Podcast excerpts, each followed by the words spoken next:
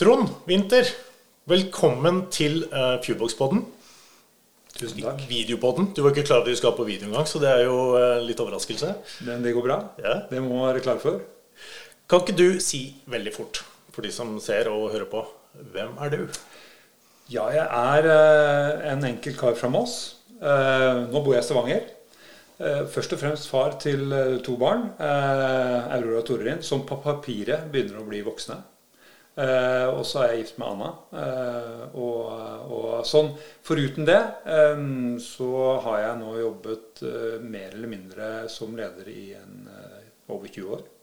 I litt forskjellige kontekster. Jeg har jobbet i Shell, både i Norge og internasjonalt. Jeg har jobbet i Deloitte, i DNV. Nå er jeg på Actema. Og like over nyttår så skal jeg begynne i ny jobb. Som leder i Lyse sitt nettselskap som heter Elnett. Spennende. Jeg har jo et uh, lite ønske om å ha hatt med Trond ganske lenge. Og det materialiserte seg egentlig ikke før vi sjøl kom til, uh, til, Oslo. Og du reiser jo mye over, så da var det endelig en mulighet å, å få deg med her. Ja, jeg gleder meg til det. Så bra. Det jeg har lyst til å diskutere i dag, og som jeg vet du har noen tanker om, det er jo lederskap. Og lederskap er jo et kjempevidt begrep som praktiseres på sikkert 8 milliarder forskjellige måter uh, der ute i verden. Eh, og, og veldig hvitt, og noen ganger kanskje litt ullent også for, eh, for, en del folk. Men for deg, Trond, hva er lederskap? Ja, dette er et interessant spørsmål, for, eh, og det får man av og til. Og for meg så handler lederskap om, om det å være i stand til å levere på en del forventninger. Det handler om å kunne forstå og etablere en misjon og visjon. Eh, som treffer det som viktige interessenter i samfunnet og rundt deg er opptatt av. Mm. Eh, med det så skal man etablere en god strategi og en operasjonsmodell eh, som ligger til grunn, som skal sikre at du når de målene. Eh, og så må man selvfølgelig være i stand til å få med seg folk. Så min, fra mitt perspektiv så er lederskap et strategisk viktig verktøy for å oppnå eh, viktige eh, endringer og viktige resultater og Nå brukte du en del sånne ord som jeg tror mange har hørt om. Jeg synes det er kjempevanskelig å få til. Operasjonelt, strategi. Ja. Um, hvordan, hvordan, fordeler du dette? For dette er jo veldig fint på papir. Men hvordan tar man det ut i, i, praksis og bryter det ned til noe som man får med seg? Ja. For det handler om å få med seg folk, kanskje? Ja, og, og eh, det man må gjøre, og det som jeg er opptatt av å gjøre, det er at en klarer å lage en god rød tråd. Eh, fra det som da er misjonen, altså hvorfor er vi her mm. som selskap, som team. Mm. Eh, visjonen, hva ønsker vi at skal vi skal være anerkjent for? En fremtidig eh, anerkjent tilstand. Eh, og en strategi som da handler om, eh, om eh, hvilke områder man skal oppnå resultater på. og jeg ønsker og begynner ofte med den eksterne konteksten. Det å sette seg ned og beskrive omgivelsene Eh, hva er det som påvirker oss? Hvordan påvirker vi andre? Dette er også en av de tingene som kommer veldig sterkt frem i bærekraftsarbeidet og de standardene som nå kommer. Ja. Jeg har veldig stor tro på det. At, at, vi som ledere må sikre at vi forstår interessentene. Det kan være selvfølgelig samfunn og kunder. Det kan være ansatte eh, og eiere. Eh, Kom, kommer det nye interessenter til nå? Er det, er det, jeg, jeg, tror det kan, eh, ja, jeg tror det bildet endrer seg. Og ikke minst så endrer forventningene til interessentene seg. Mm. Og det har man sett veldig tydelig når det, skal, når det har kommet nye eh, krav til eh, både etisk eh, atferd og menneskerettigheter, og veldig mye som er drevet ut fra, fra EU akkurat nå. Ja. Eh, men jeg tror vi ser forventningene i samfunnet rundt oss også endre seg. Og så er det en liten digresjon der, men det er klart vi som har vært ledere noen år, vi har vært vant til å lede i en kontekst. Vi skal også være gode ledere for den generasjonen mennesker som kommer ut av skolene nå. Og det er veldig opptatt av at vi bygger fremtidens lederskap og ikke, og ikke blir stående fast. For der er det andre forventninger, opplever jeg, til hva en skal, eh, hva en skal gjøre når man kommer ut i arbeidslivet. Medvirkning og få lov til å påvirke og frihet og fleksibilitet. Men, men eh, tilbake til utgangspunktet. Jeg mm. tror mm. veldig mye av den øverste biten handler om å beskrive kontekst. Og så um, er det viktig at uh, når vi skal etablere en strategi, eller vi skal um, og, vi skal få den til å virke, så er det en helhet som må ivaretas. Eh, og den helheten eh, den består av fire komponenter. Det er mange forskjellige modeller. Men jeg er blitt vant til og lært meg til å bruke en modell som funker veldig godt. Eh, Og, én en del av den, toppen av en trekant, det kaller vi struktur. Og der er det veldig mange av oss ingeniører og, og andre som liker seg godt. Bokser og piler og, Tegne tegninger og- og kontrakter og ting man kan på en måte ta i. Eh, og, og det må man jo ha eh, hvis man skal lykkes. Mm. en beskrivelse av det må man ha en hensiktsmessig struktur. En organisering, et, et rammeverk som fungerer. Eh, og veldig mange har jo jobbet mye med det. Eh, men man kommer ikke uten eh, kompetanse. Man kan ha god struktur, men hvis man ikke har kompetanse i selskapet eller teamet til å gjennomføre det som man har blitt enige om, så kommer man heller ikke videre. Og så kan man ha struktur og kompetanse, men man kan mangle den kulturen man trenger for å utvikle seg og for å levere på det. Og så er det inne i midten av den trekanten så er det da lederskapet. Og det er lederens viktigste oppgave å sikre at disse tingene kommer på plass, og beskrive de på en god måte. Så da tar vi det litt mer ned til det konkrete. Når du da har eh, forstått forventningene til interessentene, satt noen mål rundt de, brutt dette ned i en strategi, så handler det om å etablere den operasjonsmodellen. Og da er det selvfølgelig lederskapet som er det helt sentrale i å få dette til å samvirke på en sånn måte at du kan jobbe mot de strategiske målene og nå de. Ja. Mm. Jeg tenker, du sa innledningsvis dette med misjon og visjon. Og Jeg har jobba i forskjellige selskaper sjøl, og noen ganger så må du lete ganske, ganske langt nede i SharePoint-filene for å finne det. Ja. Og så ligger det gjerne som de to første slidene av et strategidokument som ligger i samme skuffen eller i samme folderen. Litt nede. Så, men, men, men basert på det du sier, så er det i høyeste grad det du skal styre etter. Og så har du alle disse folka som skal levere på det. Hvordan knytter du egentlig det sammen med, med det at det er folk på alle nivåer som skal forstå det og levere på det, gå i takt, og, og ikke minst føle at de er en del av det? Ja, det, er, det er kanskje den aller mest krevende oppgaven. For, for det er så viktig at enhver som er en del av et team eller en organisasjon, forstår hvorfor de er der. Og forstår hvorfor selskapet eh, Altså tar de valgene. Formålet hvorfor. Ja. Så, så, eh, og det må kommuniseres, og det må kommuniseres på mange nivå. Og det Er klart at eh, er du leder av et mindre team, så har du direkte tilgang på alle teammedlemmene dine. Og du kan ha en kontinuerlig dialog og ha dem med. Er du leder for ledere som er leder for ledere igjen, så er du avhengig av å ha den dialogen og være trygg på at den eh, røde tråden kan eh, tegnes og beskrives av andre. Mm. og, og jeg har veldig stor tro på at man da klarer å eh, få et misjons- og visjonsuttrykk som eh, spiller på de verdiene som er i selskapet. For det handler om hva man sånn i bunnen tror på. Eh, og eh, det her må være troverdig. Man må kunne se at du, dette betyr noe for deg som leder. Du tar det ut, og du kan snakke om det eh, med troverdighet. Og, og, og, og da er det den lette og den vanskelige jobben det er å, å gjenta og snakke om og vise i praksis eh, i, i alt det du gjør eh, som, en, som en leder. Og med praksis skal vi komme litt tilbake til etterpå, for det er veldig nysgjerrig på, på hvordan man tar det ned til atferd. Mm. Um, men det med verdier det er også noe jeg har funnet i samme skuffen som jeg har funnet i andre planene. når jeg kikket litt rundt. Uh, og jeg, jeg har til og med vært borti å jobbe steder hvor du har jobbet noen måneder eller år, og så får du høre om at det fins noen verdier. Men det er egentlig ingen som husker de. Og det å huske de og klare å pugge de, det er jo én ting.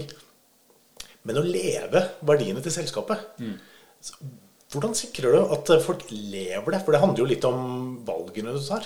Ja, og, og veldig, veldig interessant. Og, det sikrer at folk lever verdiene. Det er jo sånn eh, For å begynne der. jeg har vært, Alle de selskapene jeg har vært og jobba, har vært eh, verdidrevne selskap. Hatt verdier. Eh, og så må jeg innrømme at det selskapet jeg er i nå, som er Proactima, jeg har aldri sett det leve på den måten før.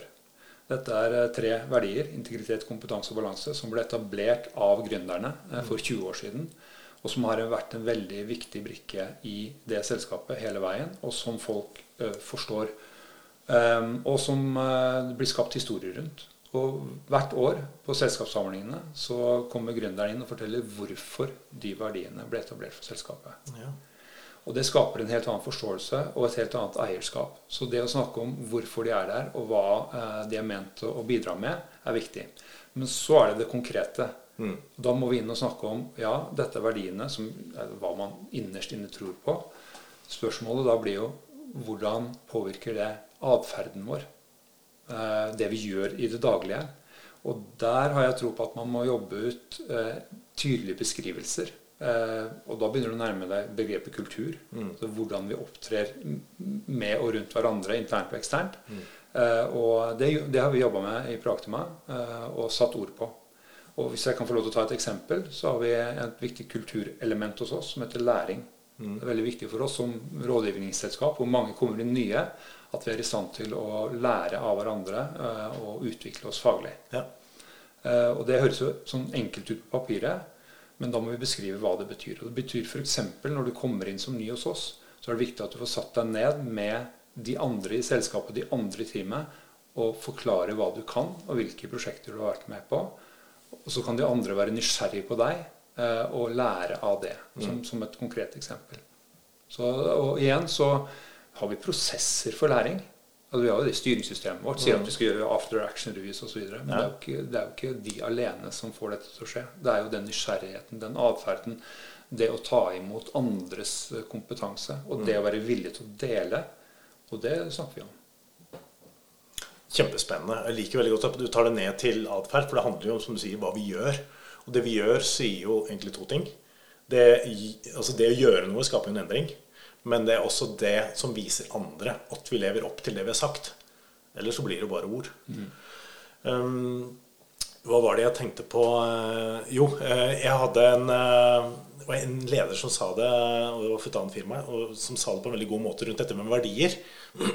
Som egentlig tok et sånt eksempel som jeg, jeg husker på Og da har han jo sagt noe bra, tenkte jeg. Han sa det at en av våre verdier er tilgjengelighet for kunden. Det var viktig for de. For det var et konsulentselskap, det òg. Ok, tilgjengelig for kunden. Men så har de samtidig en, en ordning, en struktur uh, i forhold til det å være ansatt der, som er full fleksibilitet, jobb når du må, og, og frihet under ansvar i forhold til å levere et resultat. Så på spørsmålet kan jeg da reise til Syden og være der fire uker? Ja, Hvis du tar det mot verdien og sier er jeg tilgjengelig for kunden, ja eller nei, så kan du sjøl ta det valget. Kanskje du ikke skal være i Syden. Eller så må du rigge deg for at du faktisk er tilgjengelig for kunden. Og sånn uh, beskrev dere i forhold til å ta sånne verdidrevne valg. Og jeg syns det var så greit å bruke det eksempelet, for det kan alle relatere til. Hvis jeg er på hytta, men skulle vært hos kunden, er jeg tilgjengelig for kunden? Matcher den verdien? Nei, jeg gjør jo ikke det. Eller jeg rigger det til sånn at det går, da. Så det, blir, eh, det blir en god greie.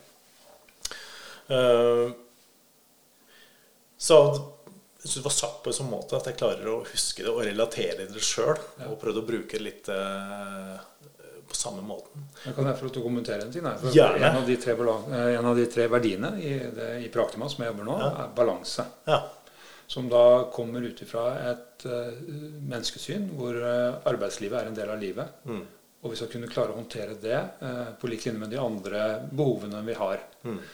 og det er en balansesak. Og det handler jo om å tilby de ansatte den fleksibiliteten som mm. en har behov for når livet banker på. Mm. Og her vi, lever vi gjennom ulike faser, og vi skal være i godt selskap å jobbe for i alle livets faser. Og så betyr jo det at da tilbyr vi eh, å støtte våre ansatte når det er behov for det, og tilbyr stor fleksibilitet. Og så må den andre delen av vekta være på plass. Og det er at man faktisk eh, tar ansvar for å levere på de forventningene eh, som kundene, både de interne og eksterne kundene har. Mm. Så, så jeg har, eh, det, det, snakker vi om. og vi, vi kommer inn til oss, så vil man bruke ordet, vil høre ordet balanse. Hvordan går det med balansen? Eh, og klarer vi å finne den rette balansen? Osv. Så, videre. så det har blitt noe vi snakker om, og noe vi har et bevisst forhold til i det daglige. Og da er ikke verdiene i skuffen. Da er verdiene førende for mange av de valgene vi tar i hverdagen. Ja. Og jeg fikk jo anledning til å oppleve dette her eh, dessverre på egen, på egen hånd. Jeg hadde en far som ble alvorlig ble utsatt for en alvorlig arbeidsulykke. Mm. Eh, som gjorde at eh, jeg måtte gå inn. Det krevde mye av, av, meg for å støtte han i den situasjonen. Og da var det helt naturlig at styret eh, og ledergruppa og de ansatte eh, slutta seg rundt meg og sikra at jeg kunne gå og gjøre det. Samtidig som jeg eh, kunne ivareta deler av jobben min, men gjøre det på best mulig måte. Mm. Og Da får jeg også lov til å oppleve verdien av den verdien. Eh, og da, da, mener jeg da, da lever det i praksis. Og det er de historiene, når det skjer, at vi må fortsette å fortelle. Mm. Det er jo et veldig bra eksempel på at og veldig synlig eksempel på at verdien er i praksis, som, som du sier. Ja. Eh, Du er inne også på et interessant tema her eh, som kanskje kan være vanskelig for veldig mange ledere. Og det er jo den derre vi, det, vi snakker litt innledningsvis om kravene for nye som kommer inn. Det er kjempefleksibelt. Vi skal sitte hjemme. Vi skal kunne ta fri omtrent når vi vil. Vi skal kunne være på hytta og skibakken. Og så lenge du har telefonen i lomma, så, så er alt greit. Og så er det kanskje ikke det. Men uh, vi opplever kanskje det litt forventninger noen gang. Og så må det korrigeres. Og da er vi inne på det med ansvarliggjøring. Mm. Levere det du skulle levere. Du skal levere innenfor noen rammer. For, for fleksibilitet for meg betyr jo ikke at alle gjør som de vil. Nei. Det betyr jo at du må ta det inn. Og her er kanskje litt det hvor det harde møter det myke. Ja. Hvor det myke er kanskje det hardeste å gjøre. Ja. Absolutt. Uh, forventninger, krav, mål. Du, du har jobba i konsulentbransjen lenge. Mm. Eh, vi snakket litt om fakturerbar tid. Mm. Eh, å være tilgjengelig for kunden og levere. Og, at forretningen må vokse. Mm. Den må utvikle seg, mm. også økonomisk, på de harde tingene. Mm. Hvordan, hvilken erfaring har du med den balansen mellom det å være veldig tydelig på ansvar og det å gi den der friheten. For det er jo litt balanse som du snakker om i praksis. Ja, jeg tror at uh, det å være tydelig på forventninger og ansvar er, er, er viktig mm. som en ramme. Uh, og så er jeg veldig opptatt av at man uh, finner balansen mellom å støtte og utfordre. Mm. fordi at det å få et ansvar og få forventninger som man i utgangspunktet ikke er i stand til å levere på, enten fordi man ikke har erfaringen eller man har rammebetingelsene, mm. det er viktig. Og, og her er man inne på et et annet viktig punkt som jeg eh, er opptatt av når det gjelder lederskap, det er jo hva gjør vi hvis vi eh, Når vi gjør feil. Mm. Og når vi eventuelt ikke lykkes. Eh, og da har jeg veldig stor tro på filosofien og tankesettet til Todd Conklin, det som går i Human and Organizational Performance-prinsippene, som handler om at vi som mennesker, vi er, vi er ikke ufeilbarlige. Vi vil gjøre feil. Um, og da handler det om å legge rammebetingelsene på plass, sånn at man kan, eh, kan sikre at man lærer og utvikler seg. Og Det er litt sånn grunntanken. Eh, og det, en, en, en, feil kan være en, en, feil, eller det kan være at man jobber et år og ikke helt når resultatene. Men det å gå inn i den situasjonen eh, nøytral og, og for, med det for øye og forsøke å se hvordan man kan justere rammebetingelser og støtte, mm. er ekstremt viktig. Så, så, så tror jeg det er også viktig. Det er veldig krevende som leder å ta tak i de sakene. Eh, men det er viktig å gjøre det. Ja. For hvis de får lov til å gå for lenge, så blir det ukultur. Og alle de rundt, eh, de som enten gjør feil eller ikke fungerer, de vil forvente at mm. man går inn og, og jobber med det. Men jeg har som grunntanke at det er vi som ledere og vårt oppdrag å sette rammebetingelsene og konteksten og justere de hvis det er behov for det. Eh, og ikke sette krav og forventninger som man i utgangspunktet vet at det er umulig å levere på. Mm. Det fins ikke noe mer demoraliserende enn det. Men når du går inn og og det antar du har vært borti, du må, du må gå inn faktisk og korrigere mm.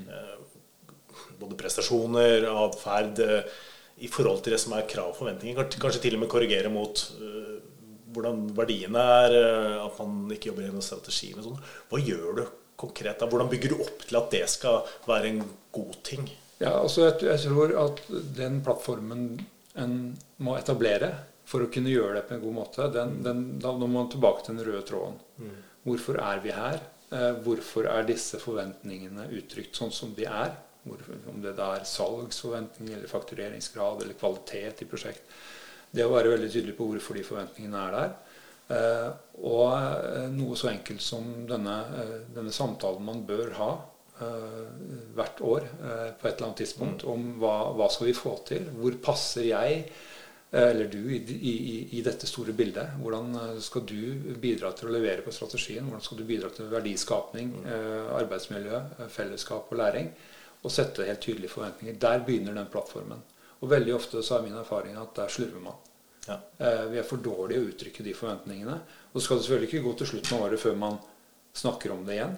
Da er det kontinuerlig oppfølging, sånn at det ikke går for langt. Og når man ser avvik, så må man faktisk være i stand til å være tøff nok til å orke å ta tak i det som leder. Mm. Det kan være krevende. Søk støtte i de rundt deg, søk støtte i lederteamet, men gå inn i de dialogene. Og min erfaring er at det ofte fungerer veldig bra. Og det er mye mindre skummelt enn det man tror. Men det handler om at man må ha et utgangspunkt og en felles forståelse om forventningene i starten. Eh, så det er ett viktig element. Og så er det det å, å, og um, gi disse tilbakemeldingene eh, på en fornuftig måte. Og her finnes det verktøy. Mm.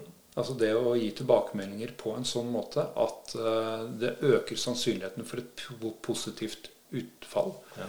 Det å ikke gå inn i følelser og gå på person, men gå på det objektive man observerer, og forklare hva, hvilke konsekvenser det har for en selv. Mm og så søke en forbedring gjennom det. Så, så, jeg tror en veldig viktig lederoppgave er å ikke skygge unna eh, det som kan være litt vanskelig, men å, å være rollemodell og gå foran. Og det tror jeg er veldig viktig det du sier der. Du beskriver litt at du bygger egentlig opp. sånn at når, når du må inn og korrigere noe, så har du allerede gjort en del ting i forkant som gjør at korreksjonen blir en korreksjon, og ikke snakk om uh, at du er en dårlig person, eller uh, at du er en dårlig leder, eller, eller det som går på versjon, men du, du, fokuserer på sak. Og et element der, med bare slenge inn, og som vi har hatt også tidligere her på, på podden, er jo dette med tillit. Ja. Du bygger jo den tilliten fra dag én, det du onboarder noen. Tillit til organisasjonen, tillit til at folk vil deg vel, tillit til at, tillit til at du får, den læringen, og at de verdiene som du får presentert på dag én, det er de som etterleves. Så når man kommer til den tilbakemeldingsseansen, da, hvor man må korrigere eller sette krav eller kanskje være litt streng, mm. så er det greit, for det handler om det. Ja. Det handler ikke om alt mulig annet. Dette er ikke noen katta ut av sekken etter to år, så får du plutselig en første tilbakemelding, og den er Nei, på mål. Jeg, jeg, jeg, tror du er inne på noe ekstremt uh, viktig. Og, og, det her er jo å se på om det er en hendelse, en, mm. eller om det er en, en, sånn type situasjon som man beskriver. Man leverer ikke helt på forventningene. Det, det tenker jeg på. Og også hvis vi har levert et prosjekt eller til en kunde som er misfornøyd. Det er en mulighet. Mm. Eh, det handler om å se på det som, og behandle det som en mulighet til å, å skape en utvikling som er positiv. Det er jo det jeg er drevet av. I bunn og grunn så handler det om, eh, om eh, å drive positive endringer. Ja. På, hos meg selv, hos de rundt meg, av mennesker, hos team, organisasjoner og samfunnet. Men, men når sånne friksjoner oppstår, for, av ulike årsaker, så kan man se på det som en mulighet til å få en anledning til å, å hjelpe til med å forbedre noe. Ja. Og Det har noe med mindset å gjøre. Og da er Du inne, du snakker om tillit, og, og, og det, dette går rett inn i det som dere er opptatt av, mm. psykologisk trygghet. Eh, og sikre at eh, du får gode samtaler underveis som bygger opp rundt det. Mm. Um, og da er det igjen du som rollemodell, som leder. Og, og, det er klart, hvis du er tydelig på at ikke du kan alt, vet alt, og du er tydelig på at du også gjør feil, og ikke snakker om eh, hvis jeg gjør feil, eller hvis vi gjør feil, men når, så tror jeg den type altså det, er, prestasjonsfremmende i bunn og grunn. Og, og eh, det viktigste en Jeg har hatt mange gode ledere og mange gode mentorer opp igjennom. Eh, og kanskje noe av det viktigste tilbakemeldingen jeg fikk fra en av mine ledere, det var Trond, nå, nå har du fått en jobb som, som er krevende, som er utfordrende. Jeg vet du kommer til å gjøre feil. Når du gjør feil, så skal jeg stå der eh, og ta vare på deg. Mm. Da, da, står jeg der med deg. Og det gjorde han. Og det var ekstremt kraftfullt, for jeg turte å hive meg ut. Jeg turte å, å, å ta på meg oppgaver. Og, og, jeg presterte selvfølgelig mye, mye bedre. For når jeg gjorde feil, så var han der. Ja. Og det, det, tror jeg er, eh, det, det, er blitt en litt sånn leveregel for meg. Og det er kjernen for meg av psykologisk trygghet. Og dette var 20 år siden. Mm. Lenge, før, lenge, lenge, før, Ja, det husker jeg. Og, ja. og, og det prøver jeg å leve etter. Og lenge før Amy Edmundsen kom med, med, sine teorier så tydelig som hun gjør nå. Ja. Men, men, det for meg var et stjerneeksempel på hvordan en leder kan påvirke en av sine ansatte til å prestere positivt. Det er de små tingene eh, som man tar med seg, eh, man legger i kofferten. Eh, vi snakka litt om det tidligere i dag også. Liksom, det å minne seg selv på hva man kan. Ja. Og dette er jo typisk sånne ting. Å, det var en sånn læring, den vil jeg ha med meg. Det skal gjennomsyre mitt lederskap. Eh, det er en sånn verdi hos meg personlig som, skal være med. Jeg hadde en, en litt tilsvarende i, i Forsvaret. Uh, jeg har nevnt det før på poden, så de som har hørt det før, får, uh, får bare med meg. Men vi skulle særlig med i Nord-Norge. Uh, dette er kortversjonen. i Nord-Norge. Jeg var klarert vaktsjef for ikke så lenge siden. Så alene på bro, 40 mann, en stor båt til noen hundre millioner. Og så sier sjefen til meg når vi nærmer oss, så vil jeg at du skal ringe meg og si at nå nærmer vi oss den trange passasjen. Det var mye på natta, dette her på vinteren. Ja, greit, jeg ringer ned. Og så ringer jeg ned og sier at sjefen, nå nærmer vi oss. Jeg vet da vil han være på bo, for han har det overordnede ansvaret. Og han sier uh, fint. Er du happy?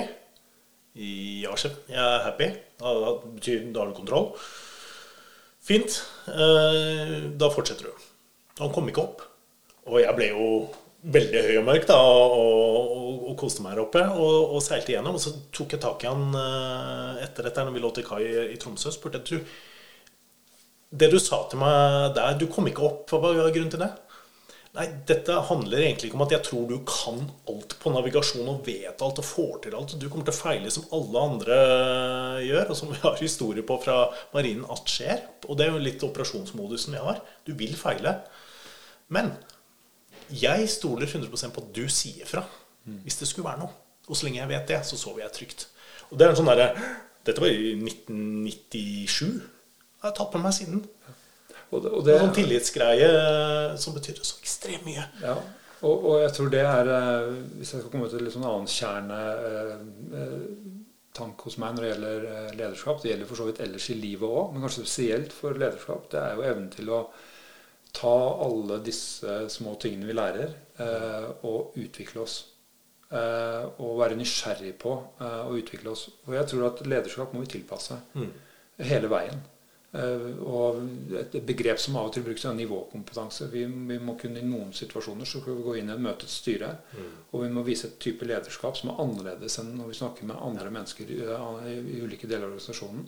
Eh, så jeg tror at et lederskap må man være i stand til å tilpasse konteksten. Og for å gjøre det, så må man være nysgjerrig, man må be om tilbakemeldinger, og må man være villig til å utvikle seg. Mm. og det er det jeg syns har vært mest spennende med si, de skiftene jeg har gjort opp igjennom. At hver av de jobbskiftene eller eh, oppgaveskiftene så har jeg vært nødt til å utfordre meg selv på mitt lederskap og hvordan jeg tenker eh, rundt det.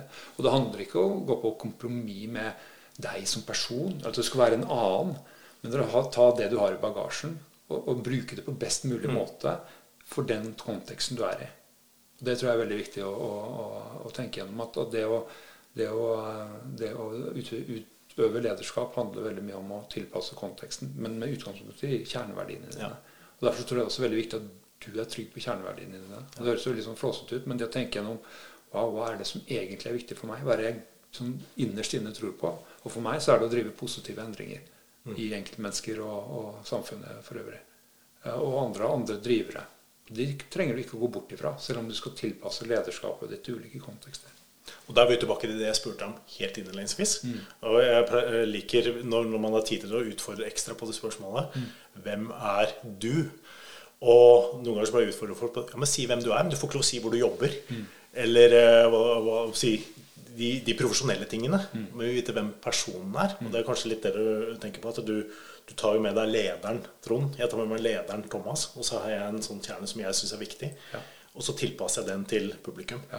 Og Det som er litt spennende å høre, er jo at eh, det som så populært ble kalt for situasjonsbestemt ledelse i Forsvaret, som vi fikk eh, den store blekka på på 90-tallet, mm. det gjelder enda. Det gjelder enda. Det er bare Absolutt. tilpasset til 2023 og den nye generasjonen som kommer inn, som, som sammen med den eldre generasjonen krever kanskje litt forskjellige måter å, ja, å jobbe på. Da er det vårt ansvar å være nysgjerrig på uh, hva som er viktig mm. for alle i organisasjonen. Altså jeg, det skal være en, en like god leder for uh, de som har vært lenge i arbeidslivet, som de som skal komme inn i det selskapet eller den organisasjonen. Og jeg syns Morten Aalbæk i, i, den boka han skriver som mm. heter 'Et liv', uh, og, og, blant annet, han sier det veldig godt, og jeg har tatt det til meg. At der hvor jeg er i, som leder i en organisasjon eller i et team eller for et selskap, det er ingen som skal komme inn der og angre på at de brukte deler av livet sitt sammen med meg.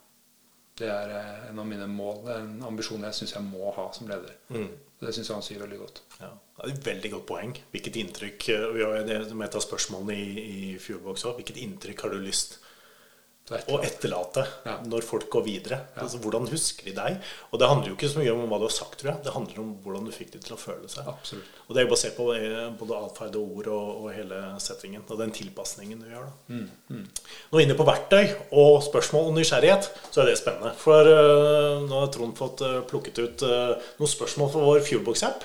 Det skal han dele med dere straks etter denne bitte lille pausejinglen.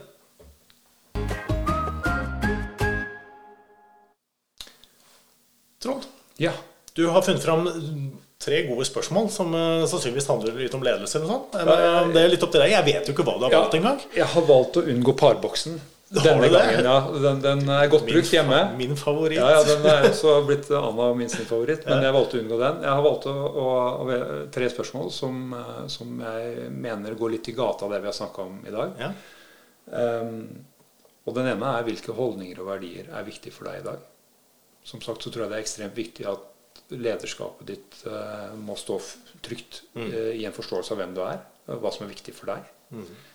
Den andre det handler om å, å, tydeliggjøre denne røde tråden fra visjon og misjon ned til hver enkelt. Og det er da hvordan kommuniserer du de langsiktige målsettingene som har satt, dere har satt som team. Og den tredje det er hvordan du skal få med deg folk. Hvordan jobber du i praksis med å skape psykologisk trygghet i teamet ditt. Da har man litt å tenke på.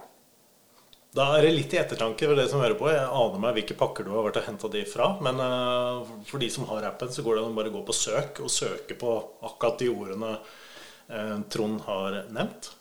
Eller bruke strategi, eller uh, ja. Både på nøkkelord og, fritekst så finner dere de spørsmålene i appen og kan bruke de. Jeg pleier i hvert fall å tenke litt på de spørsmålene som blir tatt opp i disse podene i etterkant, for det ligger og surrer i bakhuet. Ja. Og det er litt merkelig. Jeg husker ikke nøyaktig hva du sa.